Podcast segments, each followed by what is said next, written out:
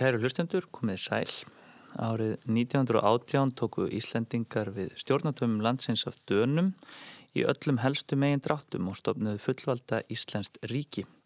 Í þessari þáttaröð á öld ljósfakans hefur verið hort yfir þá tíu áratví sem liðnir eru frá fullveldistökunni í ljósi fréttaflutnings á fullveldist tímanum.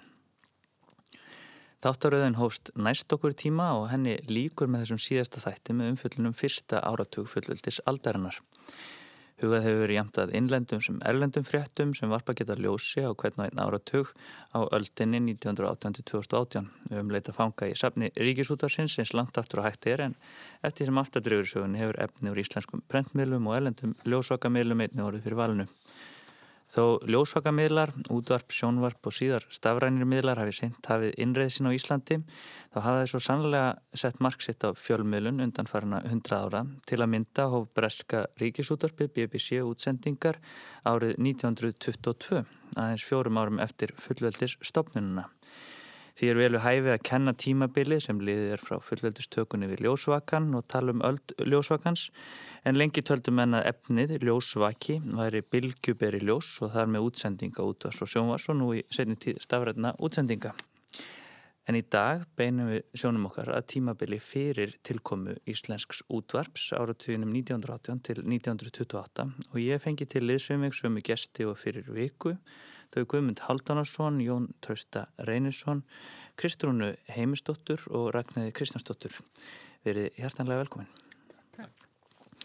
Í þættinum hugum við sérstaklega tveimur mikilvægum fréttaefnum frá þessum áratug. Þætti geta koma neinum á óvart sem lítið voru þessa þætti að 1. desember hafi Íslandingar sem fyrir segir tekið við stjórnandum landsins að dönum og stopnað fullvalda Íslandst ríki Þá eruðu mikla sviftingar í Rúslandi á sveipuðum tíma. Árið 1917 fjall keisaraveldið í byltingu og nokkur síðar hrifsuðu bolsevikar undir stjórn Vladimir Lenin völdin. Eh, nokkrum árum setna, nána tiltekið 1922, voru Sovjetríkin orðin að veruleika sem átti eftir að setja marksitt á 20. öldina svo um munaði. En árum við ræðum þess að tvo atbyrði sérstaklega, þá vil ég gerðan byggja ykkur keru gestur um að kynna ykkur hvert um sig segja örlítil deila á ykkur og frá því hvernig landslæði fréttum og fréttaflutningi áratugurins 1918 til 1928 horfir við ykkur í dag og Kristrún, þú ert mér hér á hæru hönd, má ég bjóða þér að byrja?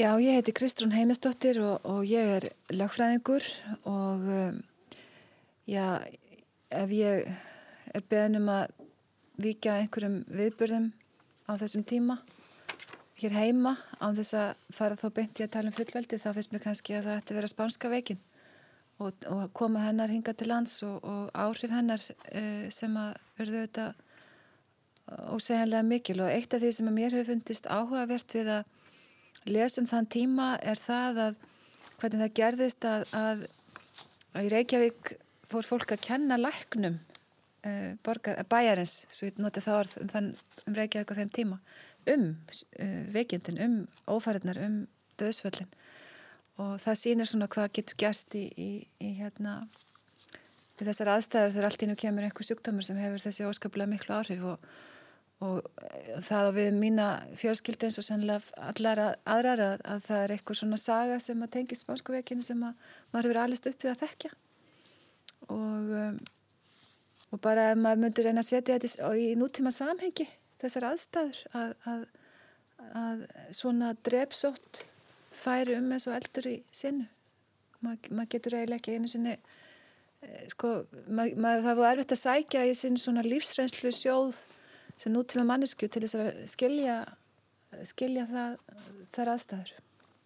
Ragnhildur Já, Ragnhildur Kristjánsdóttir heiti ég og er dósend í Sakræði við Háskóli Íslands um, Ég ætla bara að halda áfram að tala um spænsku vekina vegna þess að e, það er yfir til saga úr minni fjölskyldu um hana.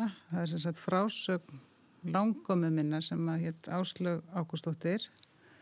E, maðurinn hennar hitt e, Bjarni Jónsson og var domkirkjuprestur og þegar hún skrifar endurminningar um hann sem að heita því fallega nafni hver dagur var hátið sem er mjög óskaplega fallegt, hérna Uh, fallegu titill á endurmenningur endurmenningar um, um látin eiginmann en, en það voru kannski ekki alveg allir dagarnir háttíð vegna þess að hún segir frá uh, áhrifum spænskuveikinar á domkirkjuprestin. Hann veiktist sjálfur, segir hún, en reys fljótt upp aftur uh, og henn var uh, veikburða auðvitað en ákvaða að taka til starfa og hann sagt, fær það verkefni að, að jarða og hugga og, og svo framvegs og hún segir frá því að 2015. november 1918 þá jarðsöngan 13 manns og auk þess fluttan húskveðju.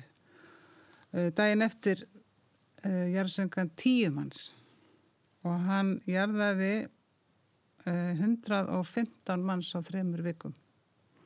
Og hann las textaði við hverjum og einum segir áslög og myndist allra persónulega, uh, persónulega. Og hún segir að það hefði fengið mjög á hana því að hann hafi verið mjög viðkvæmur fyrir bájendum eins og hann orðar það.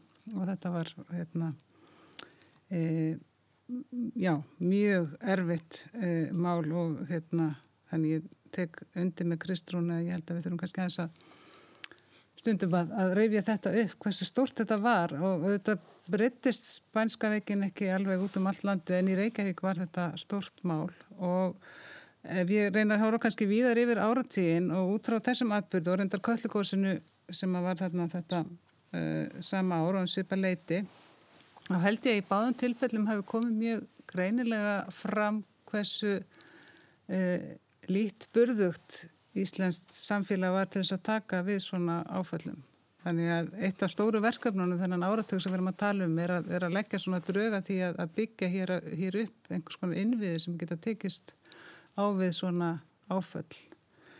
Um, já, þannig að það, það er það sem að þessi áratugur snýrist meðal annars um að, að finna leði til þess eftir að fullveldi var fengið og komið í hefn. Hvernig? Já, eh, Jón Trausti Reynisson heiti ég og er, er hérna reitstjóri og framkvæmstastjóri í Stundarinnar sem er, er fjölmiðl. E, svona mín sín á, á þennan áratug og kannski þetta fullvöldis ár mótast svolítið uh, uppálega af af, af fyrsta viðtalinu sem ég tók í, hérna, ekki í bladamennsku heldur bara í lífinu, að þá fekk ég, fekk ég hérna, það er skólaverkefni að taka viðtal við langumum mína vestur á Flatteri eh, einhvern tíman í lok nýjunda áratöðurins og, og hún sem sagt haf, eh, hafði alvegst upp í Viki Mýridal og var áttara gömul þegar köllikósið hófst. Og, og þetta er svona e, svolítið ljóslefandi í minnum að heyra þessa frásögn sem að skrifa þarna niður í, í hérna, stílabók. E, hvernig allt í einu, allt verður bara svart. Uh, eftir í kjölfar nokkura jarðskjálta eða jarðskjáltarinu þá kemur einhvern veginn myrkrið yfir og maður sér fyrir sér sko uh, einhvern veginn val, valdaleysi fólksins og hvað þá langamömmina sem þannig var áttara gömul. Og svo lísti hún fyrir mér eldingum um, í þessu myrkrið um miðan dag. Og og, og, og fregni sem hún fekk af því að það væri alltaf að lokast af að kúðafljótu og, og hérna, markafljótu væri að sagt, eh, það væri flóð eh, í, í báða mánum og það væri hverki hægt að komast. Um, það fekk ég svona í fyrsta skipti einhverja svona eh, almenlega mynda af þessu þegar, þegar maður sér sá eh, sko, myndbarnsupptökunar af, af hérna, gjósku veggunum í eigafellagjökulskosinu og eins eins magnað, magnað svona fullveldisára og, og það er sko 1980 þá er merkilegt að við að það er svona alltaf verið að spá því að köllugósið verði aftur að það er semst að komið annað köllugós og við höfum svo sem einhverja reynsla á því og þetta hefur heldur betur verið afdreifrikt fyrir okkur og, og það er nú merkilegt í nútímanum með alla okkar innvið og, og allt það Hverat? Guðmundur Ég heiti Guðmundur Haldunarsson og er prófsor í Sackfræði Háskóli Íslands en, en eh, er núna um þessar myndir líka eh, fórseti hugistasviðs Háskólas. Eh, þegar ég hugsa tilbaka til 1918 þá, þá er, er, er eiginlega svona rauðatburða sem að gerist fyrir en, en, og það er fyrir heimsturöldin sem að endaði 11. november 1918 og, og raunverulega fyrir heimsturöldin var eins og frakka segja La Grande Guerre, það var stóra stríð stríði sem var umlega breytti Evrópu, stríði sem að, sem að breytti raunverulega, þetta var svona endalók sagleysi sem skilum kannski sagt eins og Stefan Zweig lýsir þessu sko, það er, það er svona það er svona eiginlega upphafið af, af því sem við töluðum hérna fyrir viku síðan að, að, að uppgangi fasismanna slíks. Áratugurinn 1918 til 28 var sann sem aðra kannski ekki áratugur bjart síni, hann var áratugur ákveðin svona ákveðinur upplösnar e, mikila sköpunargleði í, í listum, alveg gríðarlega öflugt listalíf og eiginlega svona upphaf, uh, gerum kannski satt svona mörguleiti nútíma listakinn af því að þessi hefðbundu gildi voru alls svona ekki neginn horfin og menn hafði ekki fundið sér ný viðmið. E, það er mikil vantrú á, á, á líðræðiskerfinu vegna þess að, að bæði vegna þess að það hafði, hafði hérna, því hafði mistekist að koma í vekk fyrir þessi, þessi gríðalögu átök en menn eru að leita þá einhverju nýjum kerfum. Kommunismin er einna, eitt af þessum kerfum sem að, sem að menn finna og, og síðan aftur fasismin litlu síðar. Þannig að, að fyrir heimströldin er held ég alveg, alveg gríðalega mikilvæg svona, já, við getum ekki kannski kallað atbyrða því þetta eru, þetta eru, eru fjögur ár en alveg gríðarlega svona mikilvægt fyrirbæri. Og það er kannski einnig sem er svona taldið stefnumarkandi fyrir, fyrir svo aftur öldina er það að 1918 koma bandarikinn með fullum krafti inn í evrópska sögu. E, draga sér reynda tilbaka strax aftur en, en, en það svona vísar til þess að, að, að þess tíma þegar bandarikinn verða þessi svona Eh, annað svona þessum öflum sem að, sterku öflum sem að síðan áttir að stýra miklu og með líka fyrir Ísland. Þannig að þetta er svona það sem að mér dettur í hug þegar ég horfið tilbaka. Eh, mér hefur þetta líka dott í hug spænska veikin og allt það en, en það er búið að tala um það. Þannig að, að því að spænska veikin það er líka aðtöklisvært með hana. Hún er, hún er líka alheimsfyrirbæri og sýnir hvað sama tíma við erum svona að að leggja hásla á það við séum þjóð og eigum að stýra okkur sjálf, hvað við erum raunlega nátengd um heiminum. Um heiminum. En það dói, já, ég held að um, um 500 manns í spennskveikinu, það getur rétt ímynd okkur á, á nokkrum vikum og hvað svílitt á úrskáleitum anfall þetta var. Og það er sagt að eiginlega allir íbúar ekki okkur hafi vext og það eru ekki allir sem degja. En, en, en þetta er alveg gríðalt um aðfalla því að Reykjavíkuborgar er alls miklu minni á þessum tíma núna, þannig að og þessar lýsingar á, á þessum, þessum jarðaförum því getur rétt ímynda okkur þá hvernig þetta er með margar þessum stjættum sem að, sem að þetta glýma við læknum og heilbyrðistarsfólki, hjúkunarkonum og, og öðrum slíkum sem að hvaða kvílit ála þetta hefur verið á þessa innviði samfélagsins. Akkurat. Við kannski bara vindum okkur strax í fyrsta svona umfjöldunarefni þáttarins sem að er fullveldið. Þeir eru búin að koma inn að þetta þetta var rosalegt frétta ár 1918, það var frostavetur, veturinn hefsteila með þessum fimpul kulda og köllu eldar, spænsk veiki og strísloki í Európu, þetta verður allt komið fram.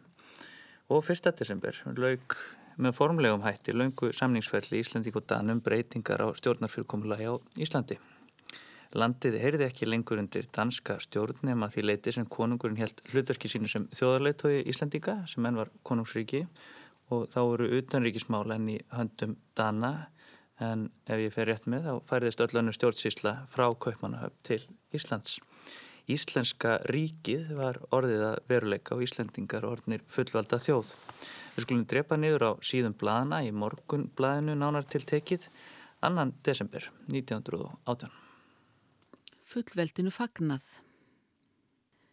Dagurinn í gær var mest í blíðviris dagur sem komið hefur lengi og lagði forsjónin þannig sinn skerf til þess að þessi merkilega stund gæti orðið sem hátílegust. Klukkan hálf tól tók fólk að streyma úr öllum áttum að lækjatorki. Mannfjöldin sapnaðist allt í kringum stjórnaraðsblettin og þeir sem sérstaklega hafði verið bóðið að vera við atöfnina, embætismenn, rítstjórar, ræðismenn, erlendra ríkja og svo framvegis söpnuðust við dýr stjórnaraðsins. Liðsmenn af varskipinu mynduðu heiðursfylkingu á stjórnarásblettinum og lúðraflokkur undir stjórn Reynis Gíslassonar var hjá stjórnarashúsinu. Klukkan kortir í tólf hóst aðtöfnin með því að lúðraflokkurinn leg eldgamla Ísafold. Í sama byli sveif Íslenski ríkisfánin að húnni á stjórnarashúsinu og í sama byli voru fánar dregnir á stöng viðsvegar um bæin. Þá hvað við 21 skot frá varskipinu hverja sús sem að alþjóða sið er veitt fánum fullvalda ríkja. Þá leik lúðraflokkurinn Kong Kristjan en á eftir var hrópað nýfalt húrra fyrir konunginum. Var þá leikið á horn, deritt undir land og eftir var hrópað húrra fyrir Danmörku.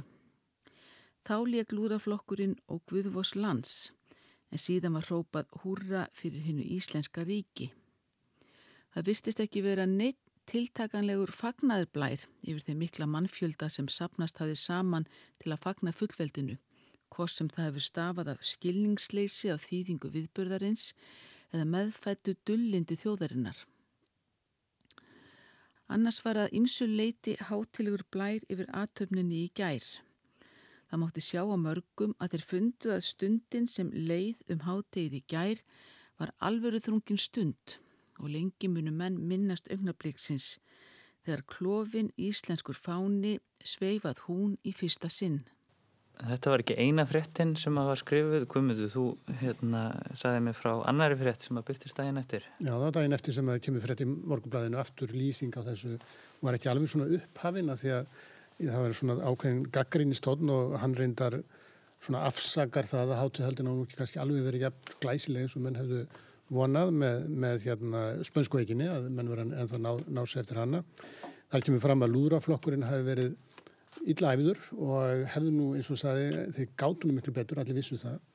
Síðan var annað að hérna, hann var svona bladamörinn að njóða í menn að eh, það var greiðilegt að menn voru kæftandi allan tíman við nákvæmna sinn eins og það segir í frettinni undir ræðuhöldum sem að bladamennu fannst ekki gott og síðustu saðan það eins og kom fram í fréttinu eins og að lesin þann áðan að það var hópa ný, nýfalt úrra fyrir konginum eins og venjan. En eins og segir í fréttinu að þeir sem að e, geta ekki talið upp að nýju ættu ekki að hérna, e, ættu ekki vera að rópa húrra fyrir konginum að því að þeir hérna skil, mér skilst þeir að samkvæmt fréttinu var að rópa tífalt úrra fyrir konginum Þannig að þetta svona, ég held að bakvið þetta er nú svona sem var ákveðin svona, maður, maður skinnjar svona ákveðina ákveðna, eh, já, hvað maður segja, svona, ekki kannski eva en svona svolítið ugg svona í brjóstum held ég margar sem að örðu vitna þessum leiðum menn eru gríðarlega gladir yfir því að fá, yfir þessum áfunga að þá er kannski svona ákveðin uggur í mönnum já, ráðum nú við þessi ósku verða þetta eitthvað sem, sem að erum við tilbúið raunverulega til að takast á við þetta mikla verkefni sem að, sem að vorum, vorum að taka yfir og og það er eins og kom hérna fram á þann það er að mörguleiti þá það sem að reynir á á þessum áratög e, sem var þannig fremjöndan þetta er gríðarlega stort verkefni. Íslendingar hafðu aldrei fyrr það er ekki fara að tala um fullveldi í íslensk, íslensku umræði fyrir en, fyrir en ég eiginlega ekki fyrir 1906 eða þar um bíl sem þetta fer að verða svona krafa Íslendinga því að í og með vegna þess að, að þó ég held að allir hafi haft hennan draum en þetta er einhvern veginn svo mikil draumsín en 1918 er Íslandska að tellja sér tilbúna en samt sem áður kannski svona ákveðin ef í bróstu suðbræðin en, en ég held að það var ekki þannig að menn var ekki tilbúinir en, en, en það, þetta er stort verkefni. Það kom náttúrulega í kjölfarið bara nokkrum ára síðar og, voru Íslandika búin að upplifa fyrir utan þessar náttúruhamferir sem við umtöluðum um aðan e, fjármálagreppu mm. þar sem Íslandsbanki fyrst að leita á náðir hérna, Danskbanka og, og flugfélag fór á hausin eh, þannig að við, við erum að sjá sko að allar þessar áskoranir er ennþá við líði en, en síðan náttúrulega tekur við það sem að hefur alltaf haldið okkur á floti þessi hérna, gríðarlega sterkir sjáar útvegur sem sko verður þessi verður hérna, brjálæðislega aukning á fjölda vélbáta á, mm. ég held að sé þarna áraturum meil 20 og 30 og undir lók þessar tímabils er, er útflutnings hérna, verðmætti sjáratus komin í, upp í tafla 90% þannig að, þannig að hérna, þetta, þetta er allt kunnulegt komin efnaðslegu grundvöldur fyrir rekstri kannski ja. ríkisins. Emið, hvað segir þið, Ragnhildur og Kristrún? Já, ég hérna en nú þannig stendgakvart fullveldinu að ég er ólegur aðdándi þeirra sem að sömdu hérna náðu þessum pólitíska árangri. Mm.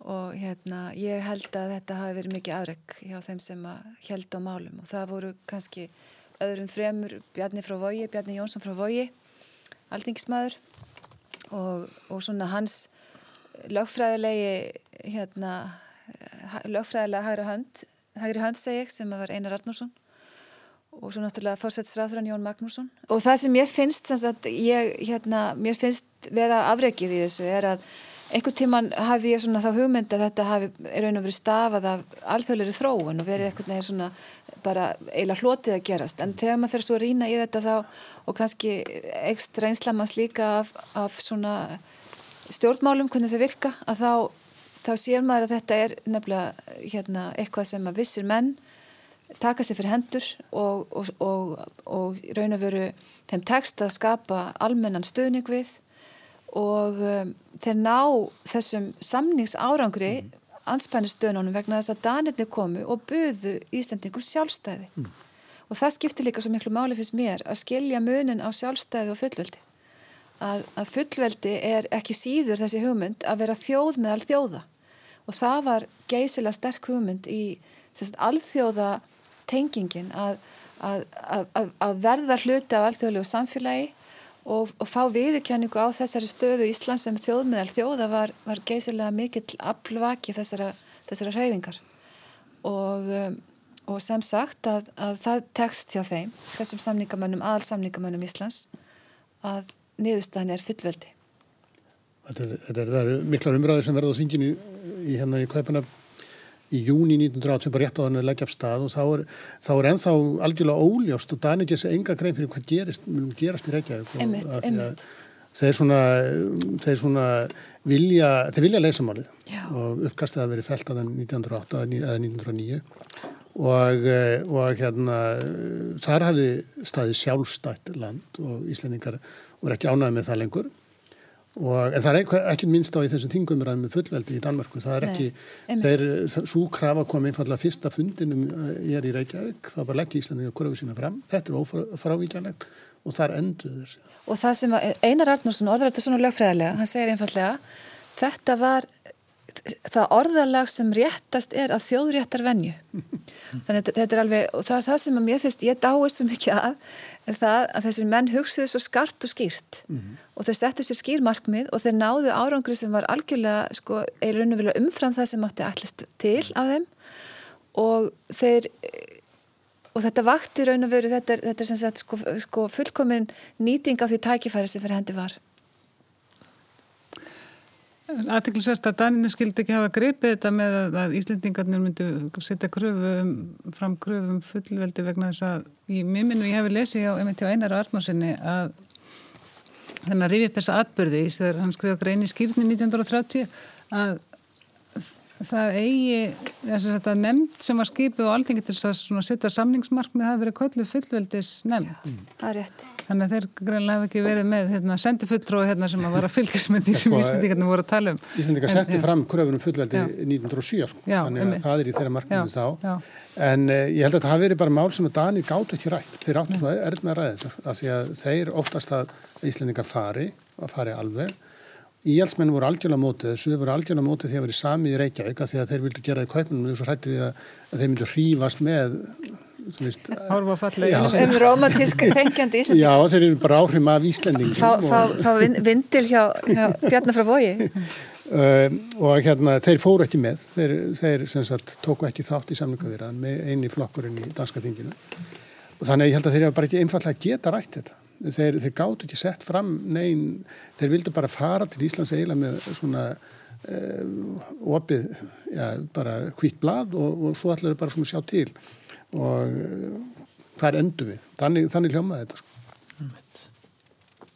Það er náttúrulega er líka bara magnaf með eh, fullveldi og sjálfstæði Íslands að hvernig sko og, og kannski lýsist af þessari lýsingu á íslensku þjóðinni við fullveldis hátíðina sem að var að lýsa á þann að, hérna hóstill fólk eh, ég held að Íslands sagan hefði orðið allt öðru sí ef ef, ef Íslendingar sem þjóðu hefði þurft að grípa til vopna eða eitthvað mm. slíkt til þess að ná fram sjálfstæði sínu.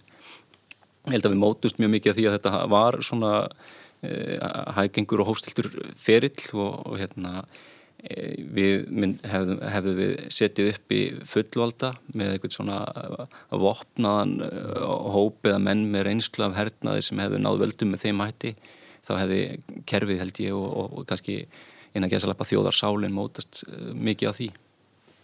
Já, ég held, að, ég held að það er svona mín skoðun og það er nú kannski ekki bara, ekki, bara vegna þess að ég, einn af minnum höttum er að það vera Jón Sigurðsson og professor að ég held að við höfum verið afskaplega heppið með því að, að þetta, þannig strategið er alltaf þetta er eins og Kristnum kemur inn að þetta er lögfræðileg eh, lögfræðilegu ferill, þetta er aldrei barist, þetta er alltaf raunverulega, það er, það er barist með orðum. Og ja, mér, mér er svo oft með orðum sem ég held almenningur ekki skilir mikið í, ég held að þessir, þessir fulltrúar sem sátu þarna og voru algjörlega inn í nýjustu lafræðilegu umræðu. Mm. Þetta var ekki svona orðfæri sem almenningur hafði á reyðum höndum og, og, og það, þannig að svona er Íslands sjálfstæðarbarata. Sko, hún er, er tvöfæld, annars verður þessi barata og hins vegar það sem myndist að áðan, Jón Trösti, var, var, var vjálpátútgerðin. Ég held, þegar við skiptum upp sögunni að þá erum við oftast með þessi svona pólitísku hérna, þáttaskil 1904 er taldin en 1902 er raunlega miklu mikilvægari ef við lítum á svona íslenska pólitíska efnarsögu þá er 1902 miklu mikilvægari en 1904 og það er þegar að fyrsta vélinn er sett í bát á Íslandi vestur á, vestur á fjörðum og, og, hérna, og þar er þessi efnarslegi grunnur sem er fyrir þessu öllu saman og það er að Bjarni frá Vogi er að berjast fyrir fullveldi og leggur þetta fram og þá gera hann það í þeirri fullvísu að, að við getum þetta og það, við sjáum bara það sem að, þá baratu sem að grænlendingar og, og færingar eiga í dag. Og þeirra vandi er sá að þeir þykja mjög háar sérstaklega grænlendingar en einni færingar verulegar fjárhæði frá dönn Íslendingar fengu fjárstýring frá dönum, það var orðið mjög lítill, það var orðið ekki nema rétt um 2% af, af fjárlögum var styrku frá dönum 1918, þannig að það var ekkit vandamál fyrir Íslendinga að segja þeim styrku upp sem er grundöður fullöldisins að þú getur ekki verið fullald og þegið fjárhastlega stuðning, beina fjárhastlega stuðning frá ríkinu sem þú ert að vera fullvalda frá. Þannig að það er líka þessi efnarslega grunnur á fyrir heimstöldin spilar þar inn í að, að, að það er svona einhvern veginn þurfa íslendingar að spjara sér svolítið sjálfur og mm. þeir töldu sér geta þetta. Þannig að fullveldi við kannski sótt út á sjó? Alveg, alveg fullkomlega. Það en það er kannski líka til viðbútar áhugavert að, að horfa til svo okkar tíma núna þessu samhengi að vegna þess hversu smá við erum og vegna þess að við erum á jæðri á marganhátt þá er í raun og veru sko fórsenda okkar utaríkis stefnu eða utaríkismála og samskiptu vennu ríki er líka í dag háð raunverulega því að það sé gildandi einhvers konar þjóðaréttur mm.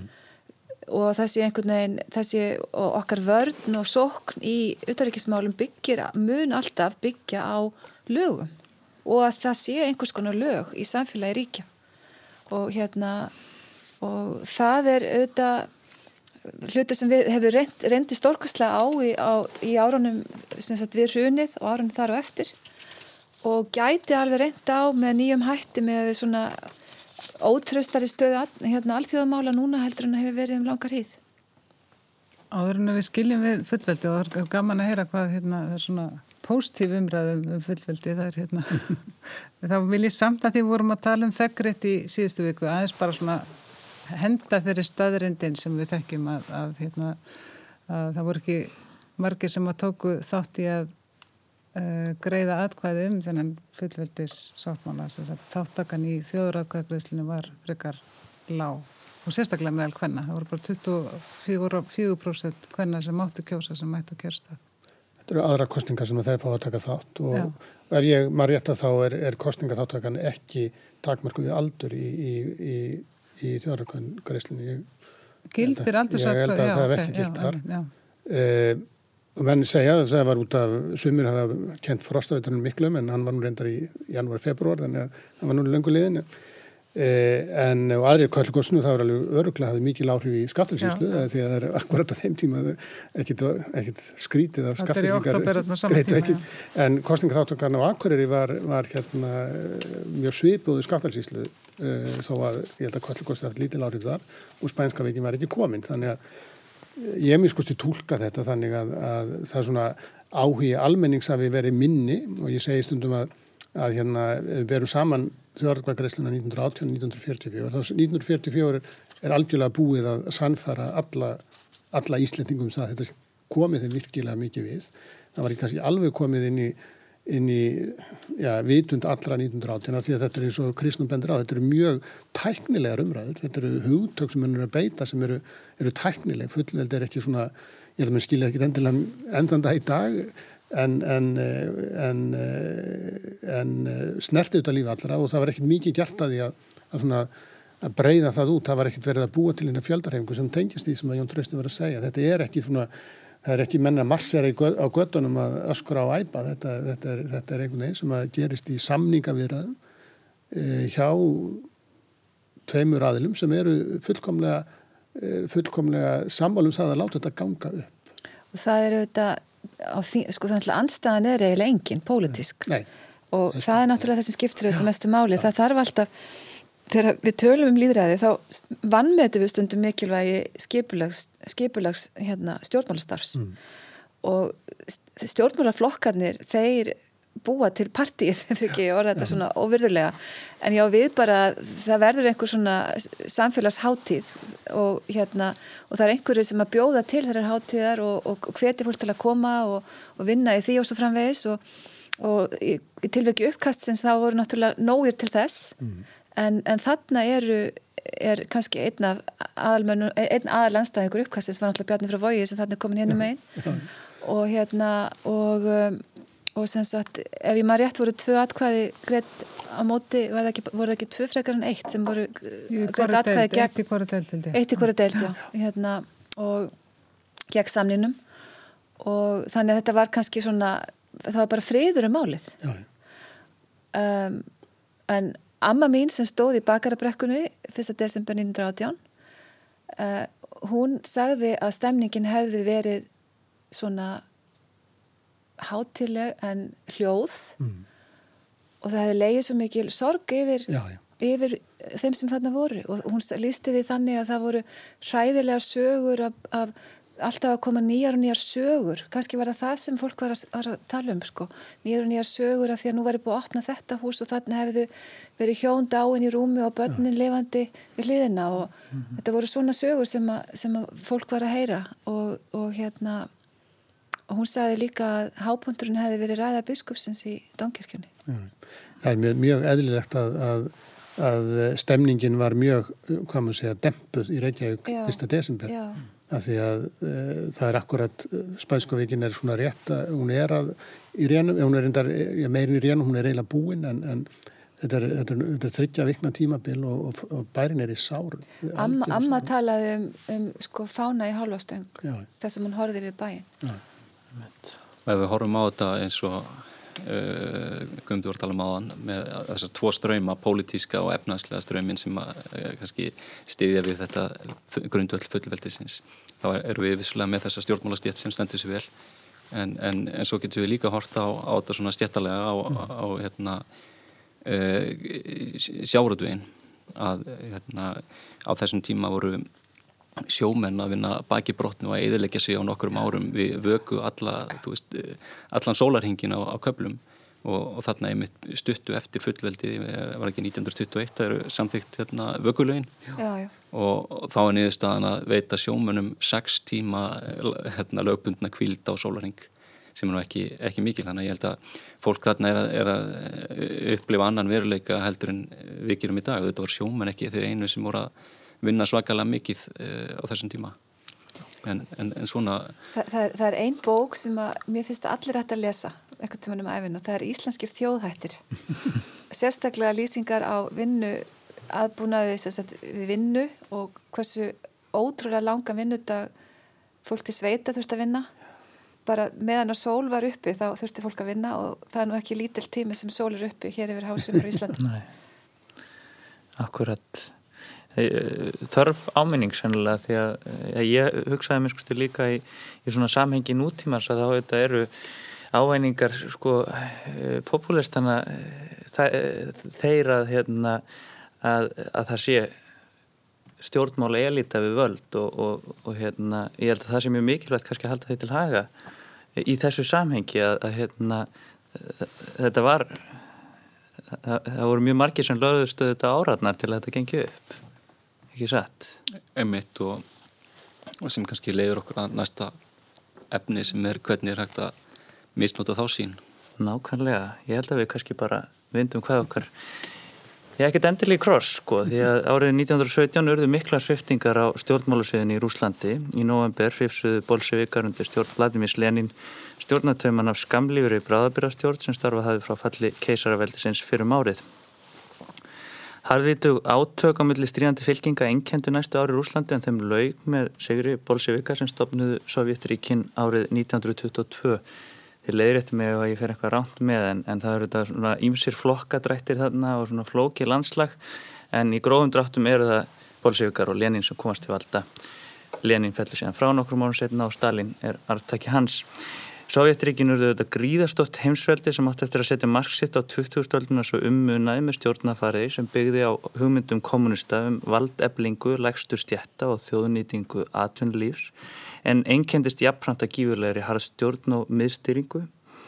Frettir af rúsnesku byltingunni bárust með símskeitum til Íslands og það fór ekki fram hjá landsmönum að umverðara stóran atbúr sem geti haft mikil áhrif, jáfnvel hérna þessari einágruðu litlu og brátt fullvalda eigu. Í morgumblæðinu 10. november 1917 var fjallað ídarlega um valdarán Bolsjövika. Borgarastyrjöld í Rúslandi Lenín Einvaldur Kaupmannahöfn 8. november. Á lögurdaskvöldið var krafðist framkvæmda nefnd Hermanna og verkamannaráðsins yfirráða í Petrograd. Bannaði hún Hermannunum að hlýða fyrirskipunum herstjórnaráðsins og hvað fóringja herstjórnaráðsins andvíga líðveldinu. Var síma til Hermannana að þeir skildu engöngu hlýðnast fyrirskipunum nefndarinnar. Bráðabyrðastjórnin reyndi að fá nefndina til að afturkalla orð sín og hafði hótunum en allt kom fyrir ekki. Síðdeis á þrýðjúdægin var öllu sambandi millir höfuðborgarinnar og útkvarfa hennar slitið og ný stjórnarbylting var hafinn. Í þinginu var Kerenski í ofurlitlu meiri hluta, þó með því skilirði að hann stopnaði velferðarnemnd, kemi veg fyrir borgarastyrjöld, leti lönd af hendi til bænda og að rússar fengju bandamenn til þess að koma fram með ákveðna fríðarskilmála. Síðara skeiti hermir að maksimalistar hafi náð rýtsýmum, talsýmum, fréttastofum, böngum og öðrum stopnunum algerlega á sitt vald. Á miðvíkutaskvöldið var símað að þá hafi maksimalistar Petrograd á sínu valdi. Setuliði fylgir þeim að málum og stjórnarbyltingin er fullkominn. Því er líst yfir að bráðabyrðastjórnin sé farin frá og margir ráþærarnir neftir í varðhald. Lenin ræður lögum og lofum í Rúslandi. Stefnusgráin er að friðu sér samin þegar í stað. Rússar eru fúsið þess að láta lönd af höndum. Akkurat hérna kemur þetta fram að tala þannig til umstu maks, maksimalista þetta er mjög flóki stjórnmálanslega við fyrir kannski ekki í, í, í sauman á því núna en, en mér finnst kannski áhugavert ef ég byrð því Ragnar þú rannsakaði eins hvernig þessar fréttir berast til landsins ef við byrjum bara þar að við fyrir síðan út í út í þessa atbyrðis svona, og, og eftirmála Já, sko það er svo hérna, þú komst inn á hérna á þá, þá berast bara skeiti jafnharðan og það er mjög áhugavert að heyra þess að frétt uh, úr morgumblæðinu uh, 1917 því það er bara líst mjög nákvæmlega hvernig maður framkvæmir byltingu, sagt, hvaða öll maður þarf að fá sitt vald til þess að, að ná veldum í samfélaginu hvað maður þarf að taka úr sambandi og svo framvegis. Og, og þarna koma strax líka fram lofur sem að bólsivikar uh, setja fram En, e, og þetta er náttúrulega gríðarlega stór atbyrður og ofbóslega flókin í framkvæmt og maður hérna,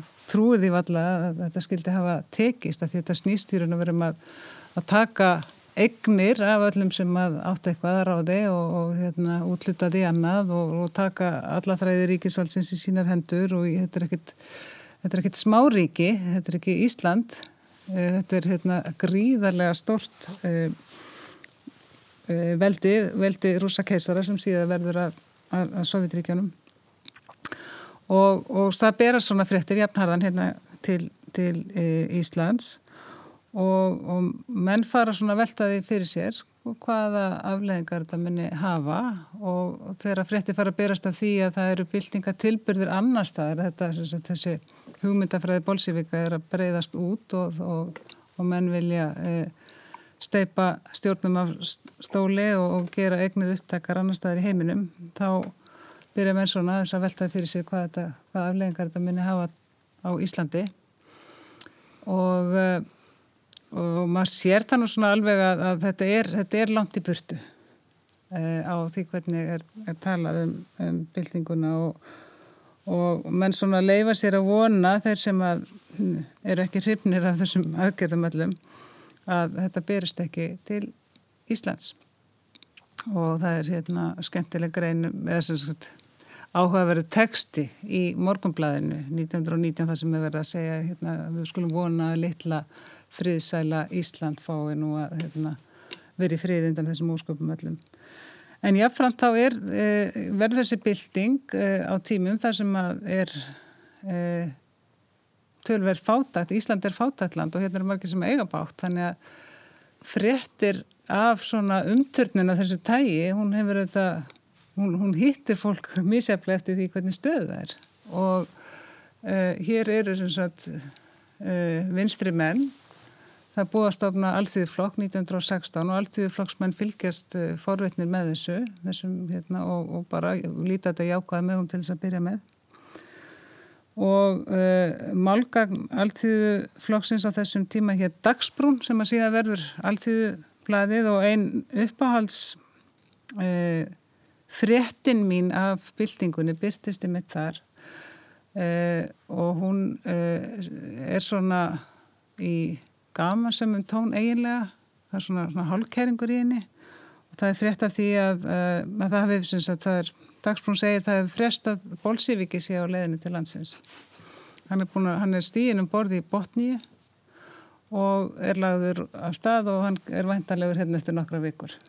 Og þegar þessi frétt barst, e, segir Dagsbrún, þá erðu margir rættir, þar á meðal konan sem hafa hitt í vinkonu sín í pósthúsun og sagði, guðmur góðu, hvað gerist nú ef að að Bolsívík að taka hérna völdin þá sendaður kallin minn út í e, e, fjósa moka flór og setja síðan sjálfur inn á skrifstu og svo framvegs og síðan hérna, heldur þessi leikur áfram í dagsbrún og Bolsívíkin kemur til landsins, það tekir við hann viðtal, hann óskar nafnlendar og hann lýsir því í smáatröðum hvernig að framkvæma byltingu á Íslandi, hann ætlar að, að hérna, e, senda óþekku burgis en út í Grímsi og svo framvegs og framvegs. Og þetta er aðtiklisvært finnst mér eh, vegna þess að þarna aftur sjáum við að þetta er svona svolítið órunverulegt allt saman. En samt er þarna verið svona að reyna að, að máta þessar hugmyndir við, við Ísland og það er það sem að síðan stjórnmála barata komanastarhefingarna þegar hún verður til og, og nær fótfesti hérna á Íslandi snýst svolítið um að svona einhvern veginn að, að sjá hvað af þessu getur hendað á Íslandi og hvernig. En var Bolsívikki í, í botníu, kom Bolsívikki til Reykjavíkur eða var þetta bara svona ímyndu hugaræfi? Ég held að þetta hafi verið frendans Guðmundar Haldanssonas okay. sem að var á leiðinni heim og hafi kynst þessum hugmyndum. Þetta er 1919. Já. Okay. Þetta er Íslendingur, þetta er íslensku mentamæður. Ah, ég skil. Já, Hendrik Óttarsson. Já, ég held að. Já, þetta er Hendrik Óttarsson. Já, já, já. Já, sem já, er, hins vegar bara nefndur bólsívikkin í Já, já, og hann Óskar nafnlendar og hann Óskar nafnlendar af því hann er þetta til að skapa eftirvænting þetta sé mjög verið að lýsa mikilvægi stjórnmálurhefinga sem sköpuðu stemningu. Já, þetta er, já, nákvæmlega. Já, þetta, þetta er svona í Rúslandi sko, það er líka ég segi nefndum mínu stundum að, að hérna bylting eins og þessi, það sem er raunlega bylting, það sem er raunlega öllum hérna stóðum samfélagsins er umsteift Eh, það er gerast ekki nema að, að stjórnvöld eru hrunin. Það er, er, er algjörlega rúin trösti. Það gerist í Fraklandi 1789, gerist í Rúslandi hann 1917. Eh, mér leiðstundum í hruninu að, að, að ástand á Íslandi var eitthvað svipa. Það var byltingar ástand á Íslandi og, og ég segi stundum að Íslandingar hefur svo stíið fram á brúnina og svo bakka og sagt ok, nei, við tökum ekki stökkið. En það geraður í Rúslandi og, og þá kom þessu upp sem að fylla inn í þetta tómarum og það veit eiginlega engin sko hvernig e, hvernig hérna þetta fer. Og þá kemur þessi stjórnmálarreng sem að Kristján er að tala um að þetta, þetta er skipuleg starfsmið í Bólsvíka, hvernig þeir ná þá völdunum og þeir fara eftir einhvers konar, einhvers konar uppskrift sem að þeir, sem að þeir ná eins og Ragnarður segir, þetta er, þetta er mjög flóki prósjekt að, að, að bæði návöldunum að halda og, og sjálfsagt er það einum ástæðinu fyrir því að hvernig þessi stjórnvöld þróast síðan í, í, í þessa gríðarlegu eh, ekki bara hörku heldur, heldur, heldur já, bara eiginlega morð og skrimsli getur maður kannski sagt að, að eins og, og stjórnum verðursmám saman meðan þessu áðbáslega óta við alla, alla andstöðu og berja nýður alla, alla stöðninga því að þeir höfðu aldrei neitt sérstaklega fjöldafylgi sem slíkir. Það var allir sambálum það að stjórnmjöld var ómögulegt þetta komið nýtt. En hvað þetta komið staðin? Það voru mann ekki vissir um.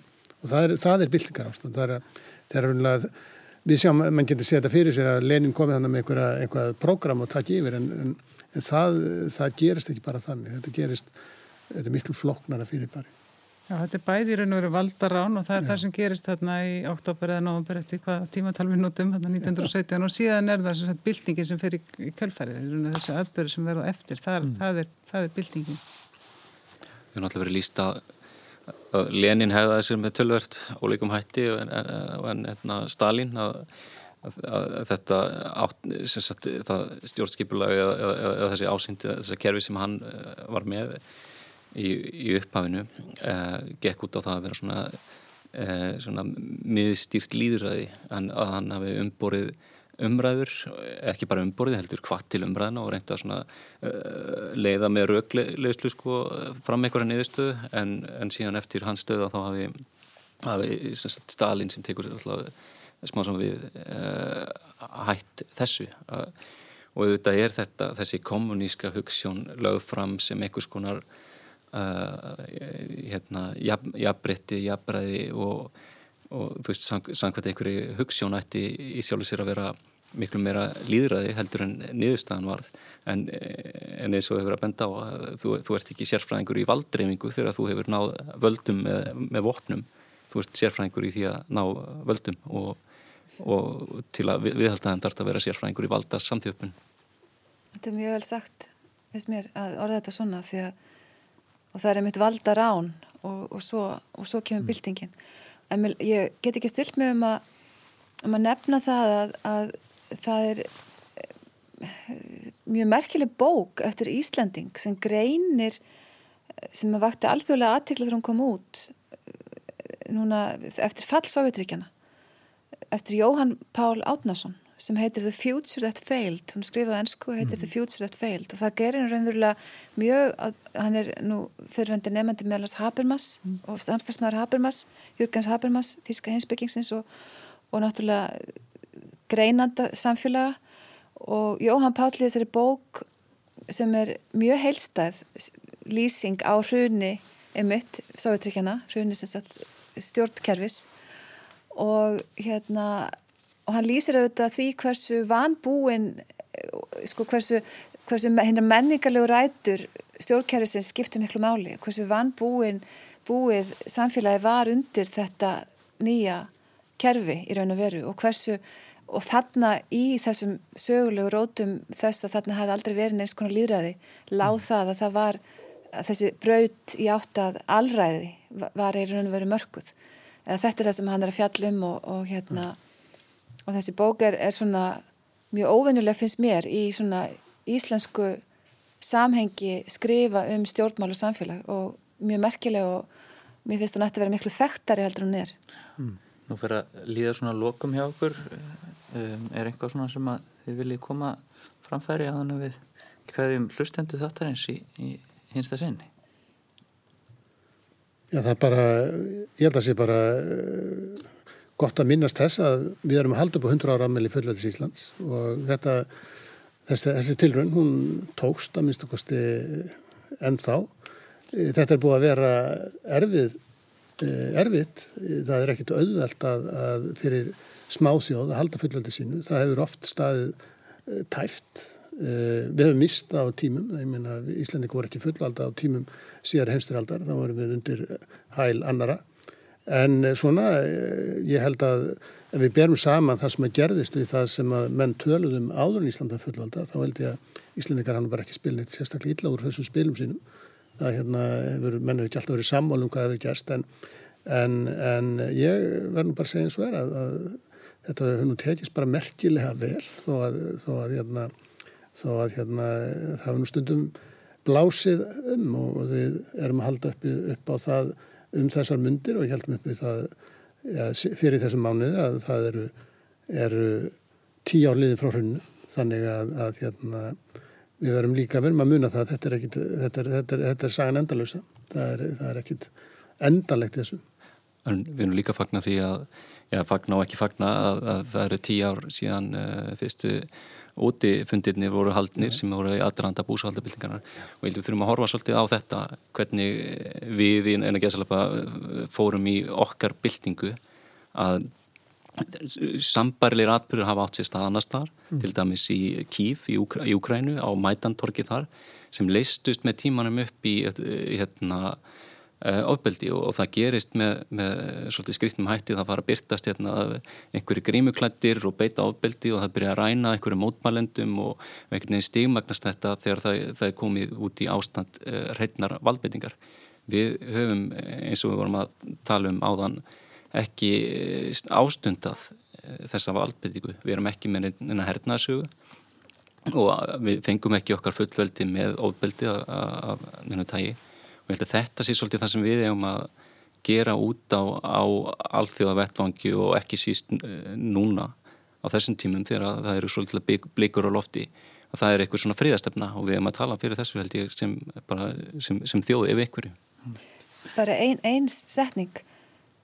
Íslenskt ríkisvald var svo myllt í hruninu að það var einhver laurugluvaldi beitt. Það var ekki beitt neinum þeim aðferðum að hálfu lauruglunar sem að myndi hafa verið beitt bara á Norrlöndunum ef við horfum til þeirra sem að telst vera almenn slík stjórnun þar en við þekkjum ekki og lauruglan kom fram á eins mildan hátt eins og ég held mögulegt var. Og mótmálandi stóðu með lauruglunni og, og það er einhvern veginn virist vera í, í óskrifum reglum og menningu. Það, það, það er ekkert svona stjórnskipunulegt við þetta eða það er erfitt að festa hönda á þetta en, en þetta er saga og menningu og arfleð.